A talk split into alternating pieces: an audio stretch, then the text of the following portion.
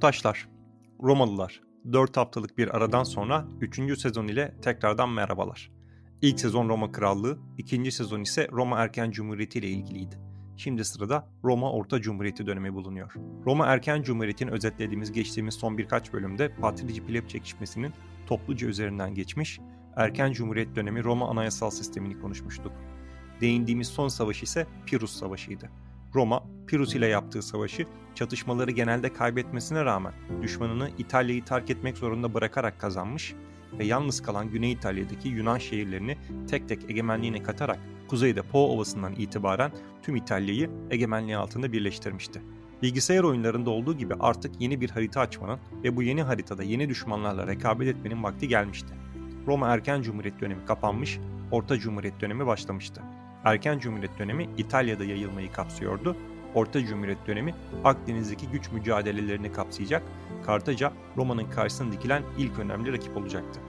Hatırlarsınız Erken Cumhuriyet döneminde Roma-Kartaca ilişkileri yakın ve kimi zaman geçici ittifaklar çerçevesinde yürümüştü. Değişen şartlar artık bu iki gücün yan yana değil karşı karşıya gelmesini gerektiriyordu. Nasıl Roma ile Veii dar bir alanda yıllarca rekabet etmişse benzeri bir rekabet bu sefer daha geniş bir alanda fakat aynı motivasyonla Kartaca ile başlıyordu. Bu bölümde konu Kartaca. Peki neredeydi Kartaca? Ne zaman kurulmuştu? Nasıl yönetilirdi? Roma ile benzerlikleri, farkları nelerdi? Kısaca kimdi Kartacalılar? Kartaca çoğumuzun bildiği üzere günümüz Tunus şehri yakınlarında kurulmuş bir Fenike kolonisiydi. Efsaneye göre M.Ö. 814'te abisi Pigmalion'dan kaçan Sur prensesi Dido ve yanında getirdiği bir kısım Surlu kolonist tarafından Fenike dilinde yeni şehir anlamına gelen Kart Hadaşt adıyla kurulmuştu. Şehir kuruluşundan itibaren iki asır boyunca monarşi ile yönetilmiş, sonrasında ise cumhuriyet rejimine geçilmişti. Bu geçiş de bildiğimiz kadarıyla bir devrim değil, tedricen gerçekleşmişti.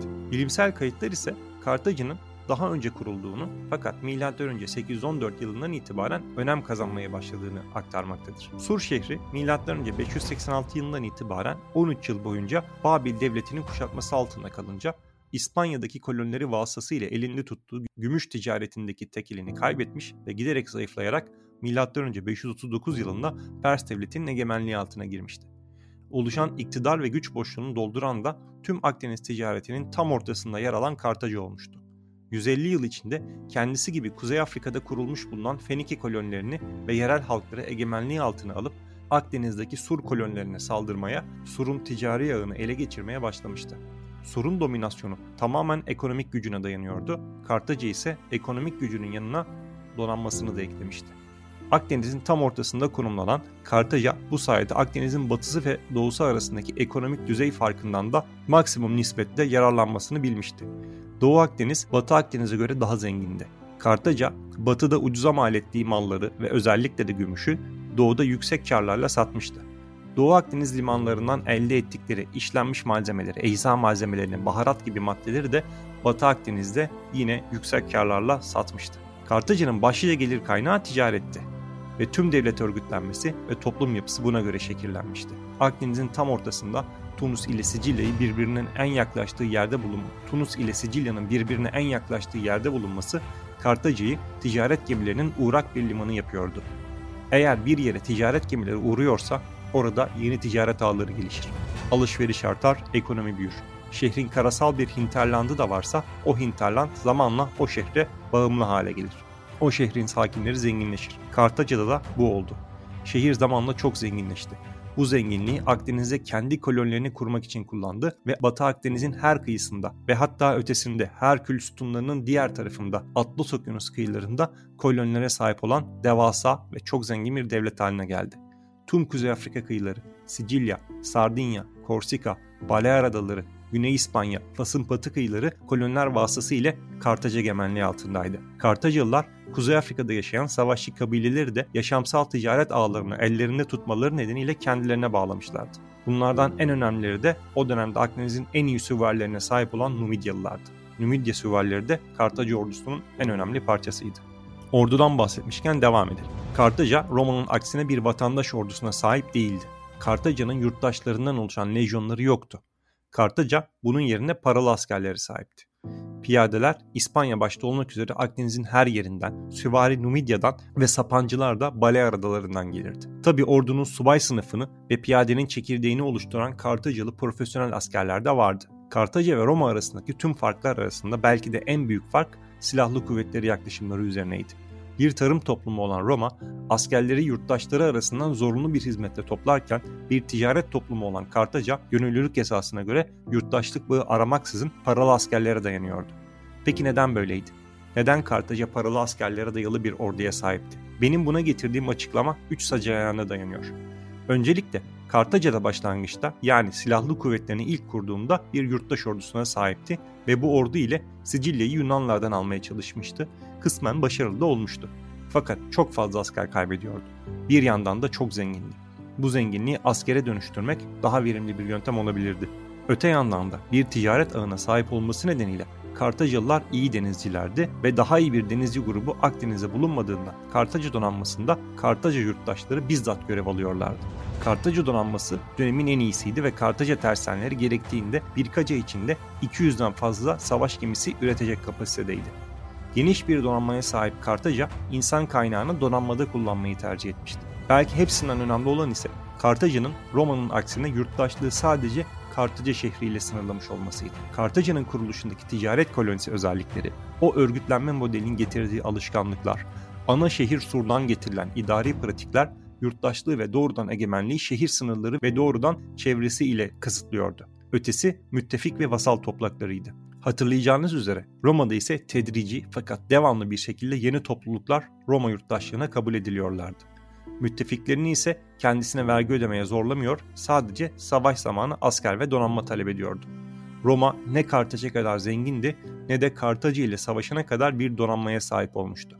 Tarih bu iki toplum için farklı dinamikler üzerinden ilerliyordu. Farklı şartlar, farklı çözümler.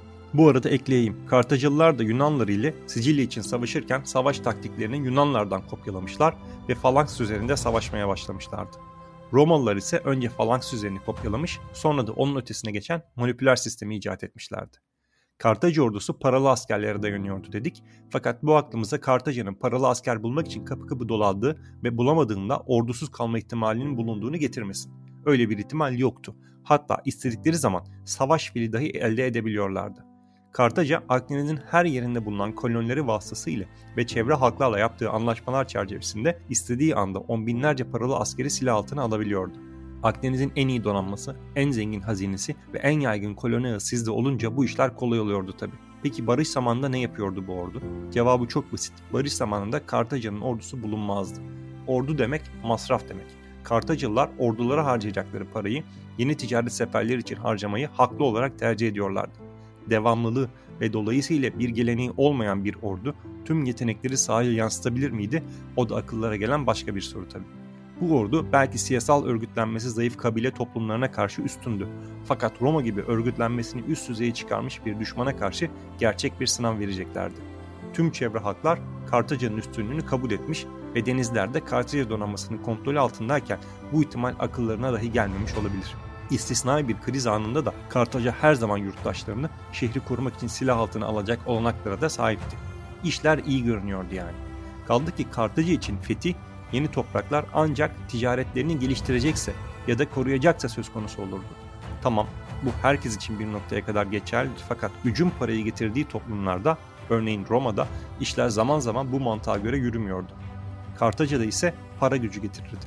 Buradan Kartaca'nın toplumsal yapısını ve siyasi örgütlenmesine geçebiliriz. Kartaca siyasi örgütlenme bakımından Roma ile benzerliklere ve farklara sahipti.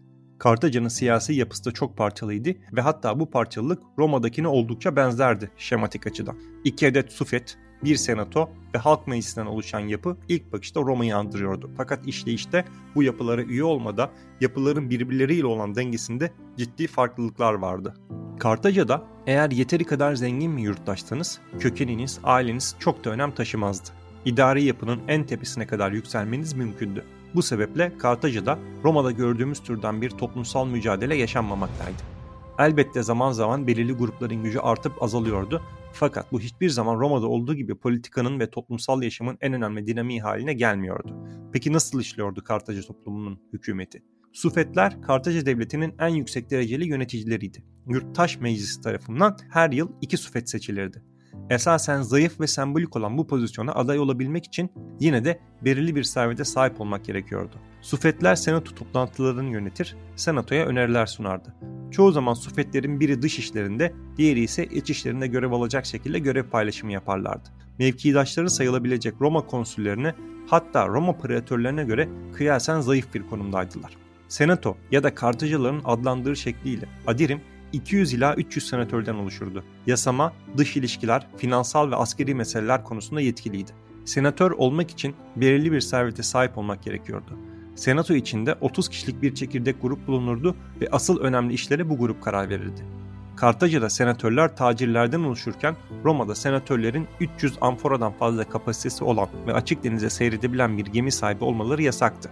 Bir ticaret kolonisinden evrilen şehir ile tarım toplumunun kurduğu şehir arasındaki farklardan biri daha. Gerçi Romalılar bu yasağı Kartaca ile ikinci savaşları esnasında getirmişlerdi. Sebepleri biraz karmaşık, biraz belirsizdir. İlerleyen bölümlerde değiniriz. Kaçırmamak için abone olmayı unutmayın. Yurttaş Meclisi ya da Kartacaların adlandırdığı şeklinde ham devlet memurlarını seçer ve atar, bürokratik işlerle ilgilenir, bazen de senato tarafından gönderilen yasaları oylardı. 104'ler Meclisi ise ordu ve donanmayı genel manada yönlendiren, general ve amiralleri yargılayan, yaşam boyu için seçilmiş üyelerden oluşurdu. Kartaca'da general ve amirallerin görevleri tamamıyla askeri konularla sınırlıydı ve eğer ayrıca sivil bir makama da sahip değillerse sivil meselelere kesinlikle karışamazlardı. Roma'da ise aksine ordu komutanları genelde senatörler arasından atanırdı ve sivil yetkilere de sahip olurlardı. Tüm bu meclislerin kurulların yetkileri Kartaca şehri ile sınırlıydı. Devletin egemen olduğu diğer şehirler ve toplulukları kendi kendilerini yönetirlerdi. Fakat Kartaca'ya dış işlerinde bağlılardı ve ayrıca dönemsel olarak ödedikleri bir vergi ile savaş zamanı sağlamak zorunda oldukları askeri lojistik imkanlar bulunurdu. Ayrıca eklemem gerekiyor. Roma'nın aksine Kartaca'da bir kişi aynı anda birden fazla makamda görev alabilirdi. Yani bir kişi aynı anda hem magistralık görevinde olup bir yandan da general olabilir yahut 104'ler meclisi ve senatoda aynı anda üye bulunabilir. Bir yandan da yüksek bir devlet makamı işgal ediyor olabilirdi. Kartaca'nın başlıca gelir kaynağı ticaret dedik. Fakat bu şehrin sadece ticaretten gelir elde ettiği manasına da gelmiyordu. Kartaca aynı zamanda verimli Kuzey Afrika topraklarından tarım yapıyor ve yine Kuzey Afrika'nın değerli taşlarını çıkarıyordu. Kartaca şehre gelen tarım ürünlerini, değerli taşları, madenleri, tomrukları, deniz ürünlerini, hayvanları, koku ham maddelerini işleyen ve ardından satan gelişkin bir endüstriye de sahipti. Peki bunlar nasıl olmuştu? Burada klişeye başvuralım ve coğrafya kaderdir diyelim. Sadece Akdeniz ticaretinin tam ortasında yer alması değil, bir yandan da hinterlandında verimli toprakların bulunması ve belki de tüm bunlardan faydalanmak için iyi bir limana sahip olması, öte yandan korunaklı bir arazide kurulu olması da Kartaca için çok faydalı olmuştu. Şehir ülkemizdeki Sinop gibi denize uzanan bir burun üzerinde kuruluydu. Kartacalıların inanç sistemi esasen Fenike inanç sisteminin bir devamıydı. Tabi ana vatandan uzakta Kartaca Panteonu zamanla bazı farklılıklar da göstermeye başlamıştı. Başlıca tanrılar Baal, Tanit, Melkart ve Eşmun'du. Maalesef Fenike dinini günümüze aktaran kuvvetli kaynaklar yoktur. Bu sebeple konu üzerine çok da fazla durmaya gerek olmamakla birlikte milattan sonra 4. asırda dahi küçük bir grubun Fenike dinine mensup olduğu bilinmektedir. Evet, kısaca Kartaca'dan bahsetmiş olduk böylece. Bitirirken biraz mitolojiye dönmek istiyorum. Podcast'in ilk, daha doğrusu sıfırıncı bölümünü hatırlıyorsunuzdur. Aeneas'ın Truva'dan kaçıp yaptığı yolculuk ile başlamıştı romanın hikayesi. Virgil'e göre bu yolculukta Aeneas'ın duraklarından biri de Kartaca'ydı. Aeneas'ın gemisi karaya oturmuş ve kurtulmak için Kartaca'ya çıkmışlardı. Kartaca kraliçesi Dido ve Aenas, tanrılar Juno ve Jüpiter'in yönlendirmesiyle birbirlerine aşık olmuşlar.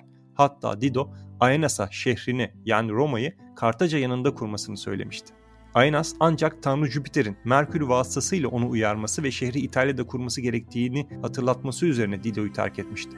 Bu ayrılığı kaldıramayan Dido ise Aenas'ın geride bıraktığı kılıcı üzerinde intihar etmeden önce Kartacalıları ve Truvalıları birbirinden nefret etmeleri için lanetlemişti. Dido'nun bu yaptığı bizi bir sonraki bölüme 1. Pön Savaşı'na getirir. YouTube'dan Daktilo 1984 kanalına, Spotify ve Apple Podcast'te ise SPQR Cast'e abone olmayı, patrona uğramayı unutmayın. Gelecek bölümde görüşmek üzere.